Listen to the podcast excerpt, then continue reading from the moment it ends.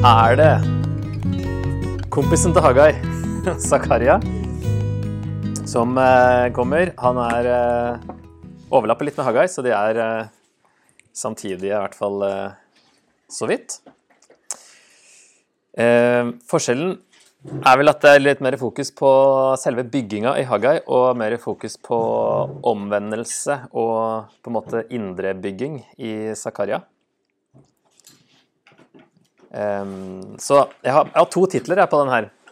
Så den, den uh, jordiske tittelen er på en måte 'Bygg ferdig', så vil Messias sprenge alle rammer. Alle forventninger. Fordi uh, de får noen glimt her som uh, Litt det samme som i Hagai. da. De må se litt hva de jobber mot. Men de får jo ikke se alt i det hele tatt, men de ser litt. Um, og så er det en sånn mer en sånn indre, indre tittel, da, som eh, jeg har tenkt litt på, i hvert fall, når jeg har um, Når jeg har jobba med boka. At det handler om å arbeide trofast for Gud, selv om du ikke ser resultater. Og det I hvert fall i sånn typisk kristent arbeid så er jo det vært innom før, tror jeg, men det er jo en sånn hovedutfordring. At det er lite eller ofte mye usynlige resultater, da. Og det som er synlige resultater, er kanskje ikke alltid god frukt engang. sånn at det, det, den gode frukten er ofte usynlig, eller er en lang prosess. Eh, fordi det skjer mye på innsida, og da over lang tid. Og hvis vi da blir for opptatt av konkrete resultater, så kan vi ja, kanskje komme litt på villspor, hvis det er det vi liksom jager etter.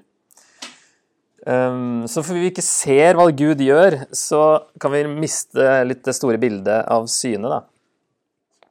Og lure litt på hvordan vi passer inn, kanskje, i hans plan. Man kan bli frustrert, og man kan til og med bli utbrent. Som dessverre veldig mange kristne pastorer, f.eks., blir. Uh, forskjellige grunner til det, da. Det er ikke bare sånn frustrasjon av det her, men det er nok en del av det. Så denne boka her er veldig oppmuntrende inn i dette temaet. Um, og boka handler jo egentlig bare om uh, det som Jesus lærte oss å be. La ditt rike komme. Og så er vi med og jobber på Guds rike, bygge Guds rike, som det heter, um, uten at vi alltid ser hva vi egentlig bidrar med. Fordi bare Gud ser hva det går mot. Jeg hørte et veldig bra sitat en gang mm -hmm. av uh, Lars Olav Gjøre, lærer på Budsetet. Mm. Han sa en gang noen ganger må man bare ta et skritt tilbake og lene seg på Jesus. Ja, men nå foregriper du det som kommer.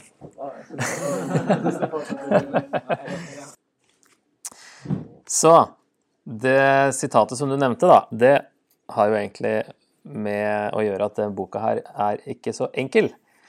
Og her er sitatet her, ja. Noen ganger må man bare ta et skritt tilbake og lene seg på Jesus. Som da er sagt av eh, en som heter Lars Olav Gjøra, som er lærer på Gårdsenteret.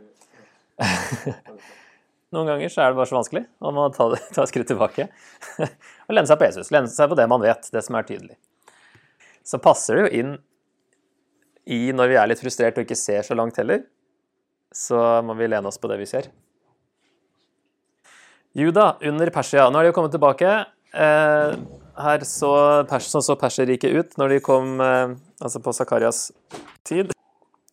Og Persia var inndelt i 20 provinser, eller satrapier. Vi leser jo om satraper i eh, Daniel. Eh, Juda var en del av den provinsen som het Eber Nahara, som eh, står her som 'Beyond the River' opp der. På andre siden av elva betyr det, da, og elva er jo Eufrat. Så de har liksom delt inn alt vest for Eufrat, da, siden hovedstaden lå i uh, Susa. Det er ikke merka på kartet, men midt i cirka. Um, så der uh, kommer uh, ca. 50 000 innbyggere, eller 50 000 kommer tilbake da, fra uh, Babylon. Og de er da mer enn halvert fra før eksilet. Og det var et lite samfunn med flere utfordringer. En utfordring var økonomisk. De var veldig avhengig av jordbruk, og derfor er det snakk om eh, sånne ting i Haggai også, paktsforbannelser som har med jordbruk å gjøre. Eh, når, når, været og regnet slo feil, så var det krise. Sosiale utfordringer. Det var med folk som ikke hadde vært i eksil, som hadde bodd der hele tiden. Og med innflyttere som hadde blitt plassert der da, av eh, Eller som har flytta dit sjøl, eller blitt plassert der av en eh, stormakt. Eh, og politiske, fordi nå var de plutselig blitt en egen provins. Eh, det har jo lest om det her i Esra og Nehemia, at de møter motstand og motgang av naboene fordi eh, nå var de liksom delvis uavhengige. I hvert fall uavhengig av Samaria, som var liksom den forrige hovedstaden der borte. da. Og de fikk redusert makt over Juda og likte ikke det, og så var det litt sånn trøbbel der, da. Så litt sånn bakteppe for hvordan det ville føles de var få, de kom tilbake. Ting var ikke eh, så stort lenger. Så eh, det var stor kontrast da mellom føreksilsk storhet, selv om det var eh, ondskap osv., så, videre, så var de mye større, og disse litt ydmykende omstendighetene etter eksilet. De er få, de står foran en stor oppgave å møte motstand i 16 år. Det er jo samme bakgrunn som for Hagai. Tilbakevendingen hadde ikke blitt helt som de så for seg. Så kanskje selvtilliten ikke er helt på topp når de nå kommer tilbake, og det blir litt sånn antiklimaks, da, som vi har sett på. Eh, det er mulig å kjenne seg litt igjen i dette her òg allerede, eh, i skuffelser. I, eh, at forventningene var mye større. Gud, du trodde Gud hadde lovt et eller annet, og så har han jo det, men så er det plutselig annerledes, og du blir demotivert allerede fra start. Eh, hovedkongen av Persia er jo da Kyros her, til 530. Kambyses eh, til 522. Og så Dareios den første, Dareios den store. Det er jo han som er konge nå i boka her, da. Eh, det som kanskje er litt mer eh, relevant for Zakaria enn for Hagai, er at eh, Dareios da, han eh, slo ned 19 opprør i starten av sin regjeringstid rundt om i hele Perserriket. Um, I 15, nei, 520 så ble han advart om gjenoppbyggingen, som vi leste om i Esra. Han lette i arkivene og da støttet jødene. Og så ble tempelet da ferdig i 516. Um, han er på vei Eller han slo ned et opprør i, i Egypt i 519. Så han var ikke kommet helt i sørvesthjørnet ennå, men han slo ned masse opprør.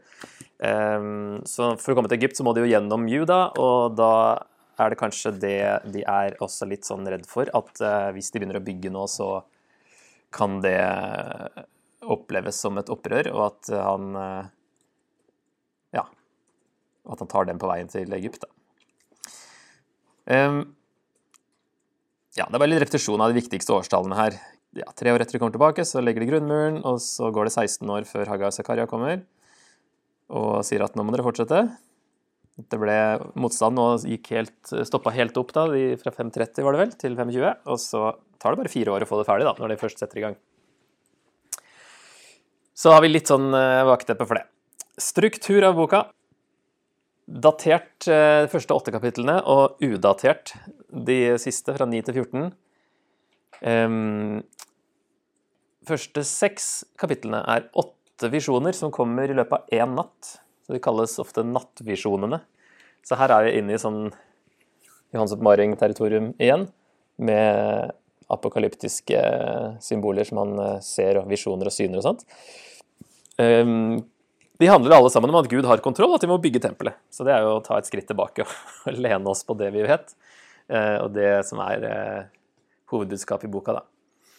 Så det er i 520 til 518 eh, disse her første åtte kapitlene. Så kapittel 7 til 8 eh, handler om at eh, folket må endre innstilling og få tempelet ferdig, slik at Gud igjen kan bo blant dem og være deres Gud, og de kan være hans folk. Og så blir det veldig rart. Kapittel 9 til 11, der eh, er det i hvert fall en konge på et esel, som vi kjenner fra evangeliene. Det er noen eh, sitater her som brukes da om, eh, om, Jesus, så vi har litt sånn glimt underveis. Ellers er det veldig vanskelig. Noe av det vanskeligste å forstå i profetbøkene, som eh, forskere liksom er enige om, at eh, her er det ingen som kan være sikre på hva som egentlig menes. Det er i hvert fall en konge, det er en utfrielse, noe krig, og det er noen masse gjetere, og det er som regel dårlige gjetere. Så skjønner man ikke helt hva som skjer, egentlig. Så det blir spennende å se om vi kan få finne ut av det. yes. Så er vi de første til å ha skjønt det. Så 12 til 14 er eh, en sånn, eh, litt sånn syk krig igjen. Apokalyptisk eh, beskrevet om at folkeslagene går til krig mot Jerusalem.